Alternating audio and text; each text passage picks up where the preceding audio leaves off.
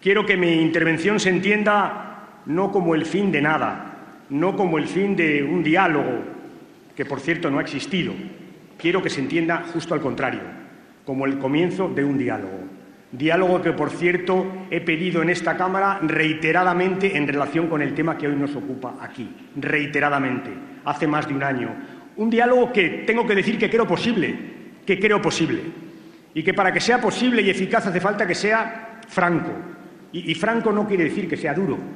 Franco quiere decir que digamos las cosas como las vemos, sin llamar a las cosas por cosas que no lo son o por nombres que no tienen nada que ver. Franco quiere decir que digamos los objetivos que cada uno tenemos, nuestras propuestas políticas. Franco, finalmente, quiere decir que escuchemos y que razonemos.